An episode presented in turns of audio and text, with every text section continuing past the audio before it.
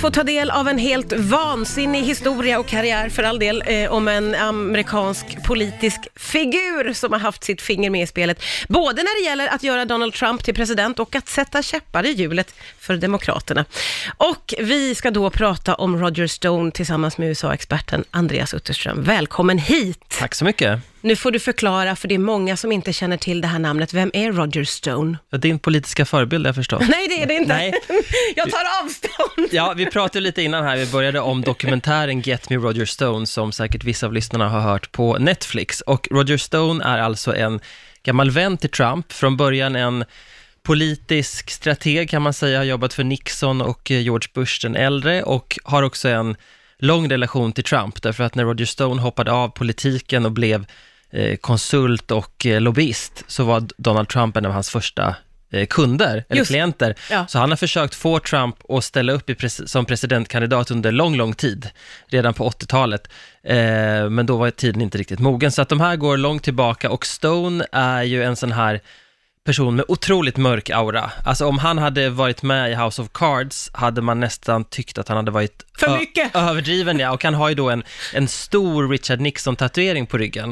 Och då ska man säga då, Mitt emellan Precis, att, skulderbladen. att Nixon är den, pres, den president liksom på, som har det sämsta ryktet av alla med tanke på Watergate-skandalen. Men, men Stone tycker att han var en bra kille och Stone sätter också en ära i att han är en dirty trickster. Han har liksom Ja. omfamnat det här skällsordet. Alltså jag är beredd att göra vad som helst för att hjälpa folk jag gillar och framförallt att slänga skit och förstöra livet för folk jag inte gillar. Som Han har- Hillary Clinton till exempel. Ja, han har ju inga skrupler och han står för det.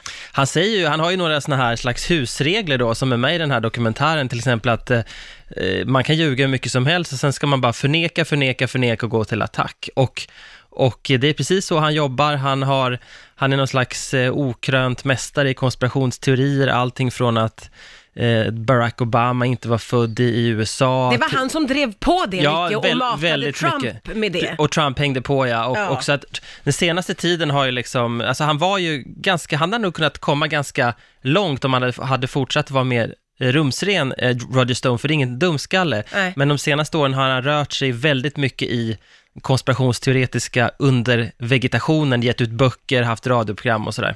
Ja, just det. Eh, och han rör sig ju på de plattformarna också eh, och dyker upp på de här infowars.com. Ja, precis. Infowars som är en väldigt eh, konspirationsteoretisk, eh, det är som ett litet medieimperium med Alex Jones, en person som bland annat har sagt att st- amerikanska staten försöker göra sina eh, medborgare till homosexuella genom förgiftad juice.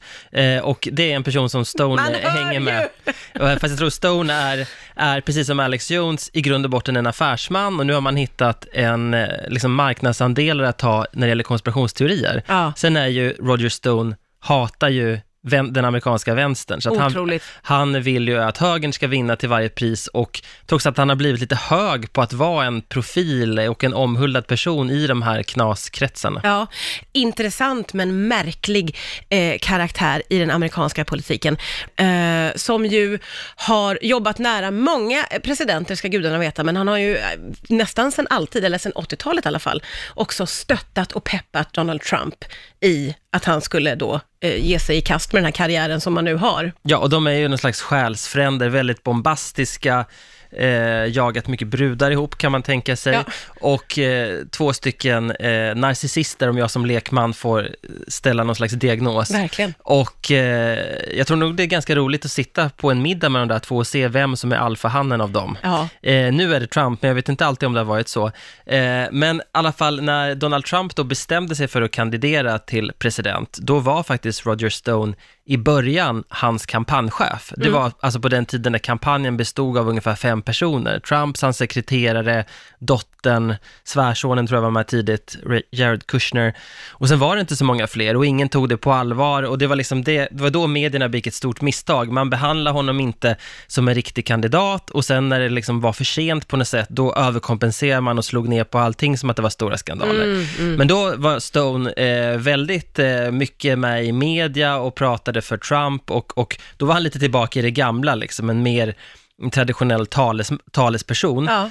Eh, men sen då när det blev mer och mer allvar och, och Donald Trump plockade in mer rutinerade kampanjmedarbetare, då blev Stone utmanövrerad, förmodligen för att man insåg att är det någonting som det alltid leder till med Roger Stone så är det problem och skandaler och någon form av strul som man inte riktigt kan förutse. Ja, just det. Men för, han har ju fortsatt att vara lojal och funnits med hela tiden, även då om han blev utmanövrerad. Absolut, de har ju haft under lång tid någon slags on and off relationship de här två, men Stone står ju ändå på hans sida, därför att jag tror att han gillar det här enkla populistiska budskapet, bygg mur, eh, hårdare tag mot, mot invandrare, Eh, och framförallt då att Donald Trump inte är vänster. Donald Trump är ju inte speciellt mycket republikan egentligen, men han är ju anti-vänster och, mm. och Roger Stone hatar vänstern. Ja, just det. Eh, och och ha, tycks alltid ha gjort, även om jag tror att han mest av allt gillar fighten och, och, inte är så ideologiskt driven, utan han gillar den här liksom, alltså om man var hockeyspelare skulle han gilla slagsmål, han skulle ja, liksom ja. inte gilla Ja, han driv. säger ju att hat är den starkaste drivkraften. Ja, absolut, så att han är en otroligt eh, mörk person. Man önskar att man kunde liksom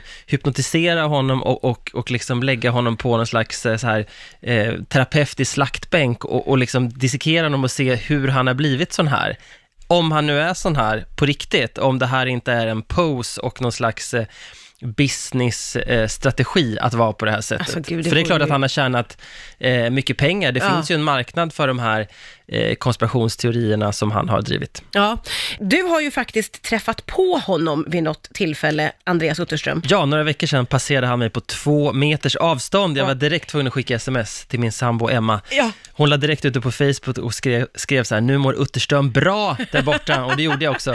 I vilket sammanhang jo, var det? Eh, Bob Mueller gjorde ju en stor utredning om Rysslands inblandning i valet och eh, då gick man till botten med en massa saker och det sista åtalet man väckte i den här stora utredningen som pågick i två år, det var ett mot Roger Stone, där han för det första ska ha ljugit om sina kontakter med Wikileaks, det vill säga begått mened, och för det andra hotat ett vittne. Ja. Och då visade det sig att den här rättegången, den var i Washington samtidigt som jag var där, så jag gick helt enkelt dit. Den var ju öppen för alla, precis som rättegångar är i Sverige, ja, ja, om det inte är något specialfall. Så då plötsligt kom han och gick förbi mig i korridoren där och sen var det oerhört dramatiskt. Det började alltihopa med att det var en person i, bland åhörarna som fick ett slaganfall. All, alltid drama där Roger Stone är. Och sen var det precis som på film att, att någon skriker all rise och sen ska man ställa sig upp för domaren och det ska väljas jury och, och eh, det är väldigt mycket prat om mat. När ska juryn äta och vad kan de beställa och vem administrerar maten? Det är ju trots allt USA. Ja, ja, ja. Och även det här liksom när åklagare och advokat ska komma fram då till domaren som sitter väldigt mycket högre upp än alla andra eh, och har någon slags överläggning. Eh, då sätter man på ett slags sån här sprakljud så det låter i hela rättssalen så ingen ska höra någonting. Nej, men Gud. Oerhört liksom eh, teatralt, så att det var som att befinna sig i en i någon slags rättegångsdrama från Hollywood. Ja, det gillar du va? Det gillar jag verkligen. Och mitt i allt detta sitter då Roger Stone, som måste vara tyst som, som eh, inte får säga någonting och som eh, då, den som bestämmer i den här salen är då en kvinnlig domare som Obama utsåg. Så att han, man kan ju tänka sig att han inte trivs jättebra. Så han, inte henne. han var inte så kaxig. Nej. Han, han eh, ligger dessutom illa till hos henne därför att han var dum nog att före rättegången tweeta ut en bild på henne och ett kikarsikte. Ja, det är vansinnigt. Mycket, mycket dumt, så det var nära att han fick sitta i häkte då, men han klarade sig mot att hon helt enkelt belade honom med munkavle. Okay. Så att ungefär en och en halv vecka efter jag hade, eller en dryg vecka efter jag hade kommit hem, ja. så kom juryn då fram till att Roger Stone är skyldig på alla punkter och eh, i, eh, som det funkar där då i Washington är att juryn bestämmer skyldig eller inte skyldig och sen då i februari så kommer domaren meddela straffet.